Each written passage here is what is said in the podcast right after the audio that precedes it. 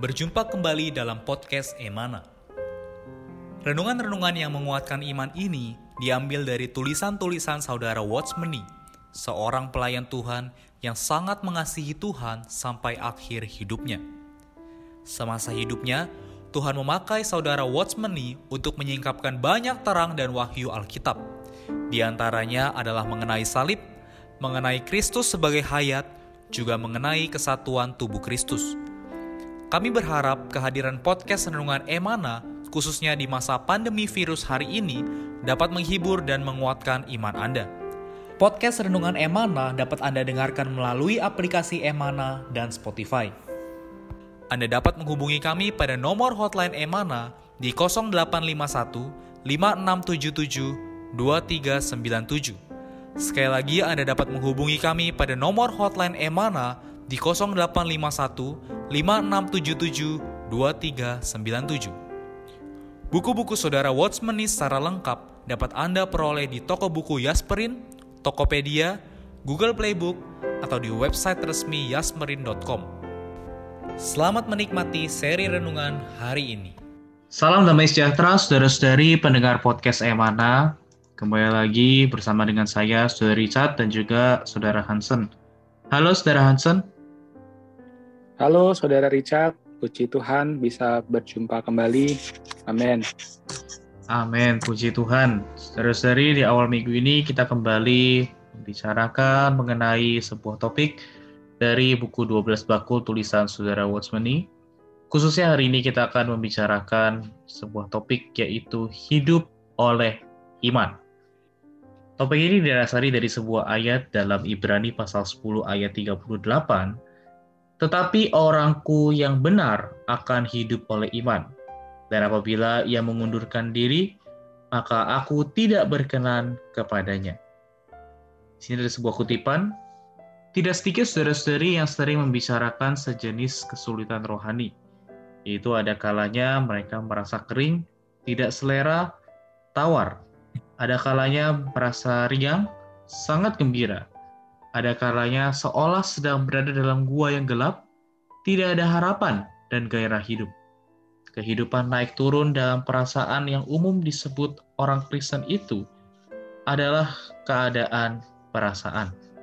Itu tidak dapat digunakan untuk mengukur tinggi rendahnya kehidupan rohaninya. Bagaimana tanggapan Hansen?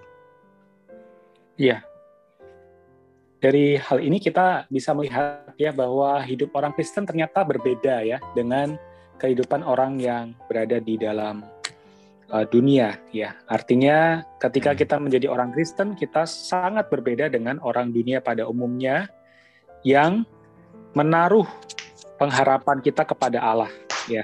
Yeah. Kalau kita lihat uh, kita mendengar banyak kabar hari ini yang begitu mencemaskan kita Ya, tentunya ini adalah satu tantangan buat kita hidup bersandarkan Tuhan ya. Amin. Tapi ketika kita uh, melihat banyak orang dunia yang khawatir, bimbang, merasa bahkan sangat uh, tidak ada keamanan ya, merasa gelisah. Yeah. Saudara-saudari, kehidupan orang Kristen bukanlah kehidupan yang demikian ya. Kita lihat kehidupan Tuhan di bumi, walaupun ada banyak situasi yang menimpa dirinya, ada banyak orang-orang Yahudi mempersulit dia, bahkan murid-muridnya juga pergi meninggalkan dia sewaktu dia mau disalibkan, kita lihat Tuhan tetap teguh ya. Pandangan matanya tetap mengarah kepada diri Allah ya. Saudari hidup orang Kristen juga seharusnya demikian ya. Kehidupan yang bukan kehidupan yang terombang-ambing ya oleh perasaan atau lingkungan, tetapi adalah hidup oleh iman bersandar kepada Allah semata. Amin. Amin. Ya, benar saudara-saudari bahwa kehidupan kita tidak seharusnya terombang-ambing oleh perasaan kita, tapi sebagai orang Kristen harus menjadi orang yang senantiasa hidup oleh iman. Amin. Selanjutnya dalam kutipan ini dikatakan, Saudara-saudari, Anda harus tahu bahwa kehidupan perasaan itu tidak dapat diandalkan. Yang berubah adalah perasaan Anda, bukan motivasi Anda. Karena itu, jangan pedulikan perasaan Anda, Allah mau supaya kita belajar hidup oleh iman. Orang benar tidak hidup oleh perasaan. Perasaan Amen. tidak dapat membuat Anda mendapatkan sesuatu. Allah Ya. membuat eh, kepakatan, kekeringan makin pekat dan waktunya makin panjang agar dia dapat mencapai satu tahap hidup oleh iman. Bagaimana tanggapan saudara terhadap kutipan ini? Iya, di sini kutipan ini mengatakan orang benar tidak hidup oleh perasaan ya. Orang benar akan hidup oleh iman ya. Sangat sangat ini ya, sangat menerangi kita bahwa kehidupan orang Kristen yang diperkenan oleh Allah atau hidup yang benar di mata Allah adalah hidup oleh iman ya. Artinya Ya. oleh Tuhan sendiri dan oleh firman-Nya, tidak meragukan firman-Nya, karena apa, saudara-saudari? Kalau kita hidup oleh perasaan, ya maka kita akan menjadi orang yang berubah-ubah ya. Ketika suasana baik, maka kita mungkin bisa mengikuti Tuhan. Ketika suasana buruk, mungkin kita undur daripada Tuhan. Ketika kondisi sedang baik, ya kita bisa memuji Tuhan. Tetapi ketika Ya. kondisi berada dalam keadaan yang penuh dengan kekhawatiran, kecemasan, kita meninggalkan diri Tuhan. Tentu hal ini tidak dapat membuat kita maju, ya. Justru kita akan terombang-ambing, ya. Karena itu kutipan ini firman yang tadi kita baca juga menguatkan kembali. Mari kita menjadi orang yang mencari perkenan Tuhan, tidak mengundurkan diri, tidak melihat kepada perasaan kita yang sering kali berubah-ubah seperti cuaca ya. Tapi Ya. mari kita memandang kepada Yesus, memalingkan diri kita, hati kita kepadanya, sehingga kita akan mencapai perjalanan iman kita. Ya, perjalanan Amin. iman kita ini masih ada di depan ya, menggenapkan kehendak Allah di atas hidup kita. Ya, jadi semoga renungan ini boleh kembali menguatkan kita, menempuh jalan, menempuh hidup oleh iman, terus memandang kepada Tuhan sebagai penyempurna iman kita. Amin. Amin. Ya, saudara-saudari, semoga kita semakin disadarkan bahwa perasaan kita tidak dapat diandalkan. Tapi kita harus eh, senantiasa eh, hidup oleh iman, memandang kepada Allah, dan mencari perkenan Allah. Karena hanya itulah yang dapat kita andalkan. Kemudian Ya. dikatakan, hidup oleh iman adalah prinsip kehidupan orang Kristen. Allah harus memimpin kita keluar dari perasaan dan masuk ke dalam hidup oleh iman. Allah mau supaya kita mendapatkan kebenarannya, tapi Allah tidak mau kita mendapatkannya dalam perasaan. Kita harus mendapatkannya dalam iman. Maksud Allah ialah menyingkirkan perasaan luar Anda, tongkat yang di luar, dan membiarkan firman-Nya memegang Anda sehingga Anda karena percaya beroleh kekuatan. Bagaimana tanggapan saudara terhadap kutipan ini? Ya, jadi tongkat di sini adalah mengacu pada sandaran kehidupan kita ya. Karena Ya. memang banyak orang memiliki tongkatnya masing-masing ya, memiliki sandarannya masing-masing. Bisa saja sandaran itu adalah anggota keluarga ataupun harta ataupun kedudukan, pendidikan, jabatan dan lain sebagainya.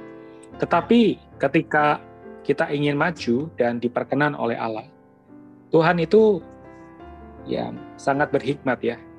Tuhan memimpin kita keluar dari perasaan, dari alam perasaan, dari apa?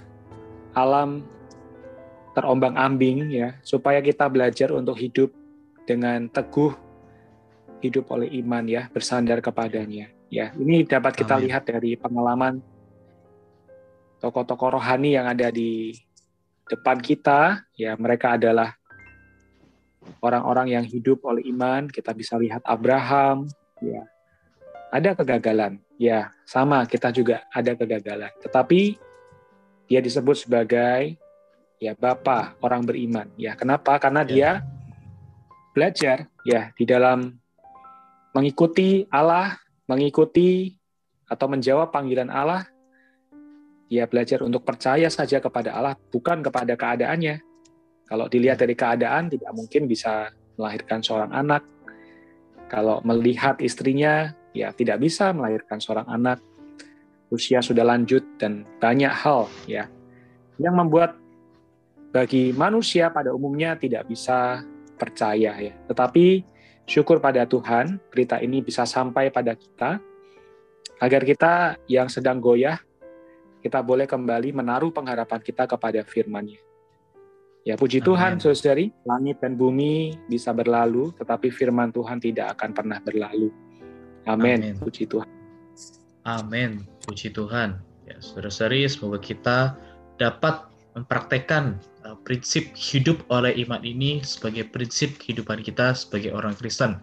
Dan juga uh, melepaskan setiap tongkat kita, sandaran kita yang di luar, dan membiarkan firman Tuhan yang memegang kita menjadi sandaran kita sehingga kita dapat memperoleh kekuatan. Baik, sebagai penutup dan kesimpulan, Saudara Hansen dapat memimpin kita di dalam doa. Baik, saudari mari kita bersatu di dalam doa. Amin. Tuhan Yesus yang terkasih, yang kami agungkan dan kami tinggikan, kami bersyukur karena Engkau telah memanggil kami supaya kami hidup oleh iman. Terima kasih Tuhan, dulu kami ada di dalam dosa di dalam dunia, kami hidup oleh perasaan, oleh apa yang kami lihat dengan mata kami, Tuhan, tapi kini Engkau memanggil kami supaya kami menempuh perjalanan iman, perlombaan yang telah Engkau tetapkan bagi kami. Kami mau belajar setia mengikuti firman-Mu saja Tuhan, supaya kami pada akhirnya boleh mendapatkan perkenan Tuhan. Tuhan, kami mendoakan seluruh saudara-saudari Tuhan terutama yang mendengarkan podcast ini dapat dikuatkan kembali imannya. Tuhan masa-masa yang sulit saat ini justru membuat kami belajar untuk bersandar kepada Tuhan. Supaya kami beroleh kekuatan bukan karena tongkat yang kami pegang, tetapi kami bersandar kepada Tuhan sebagai sumber iman kami. Tuhan Yesus, terima kasih Tuhan, mulia bagi namamu. Amin. Amin. Puji Tuhan. Terima kasih Saudara Hansen atas sharingnya hari ini. Tuhan Yesus memberkati. Tuhan Yesus memberkati. Terima kasih Saudara Richard. Puji Tuhan. Sekian podcast Renungan Emana hari ini. Kami akan kembali pada seri berikutnya. Anugerah dari Tuhan Yesus Kristus dan kasih Allah dan persekutuan Roh Kudus menyertai kita semua.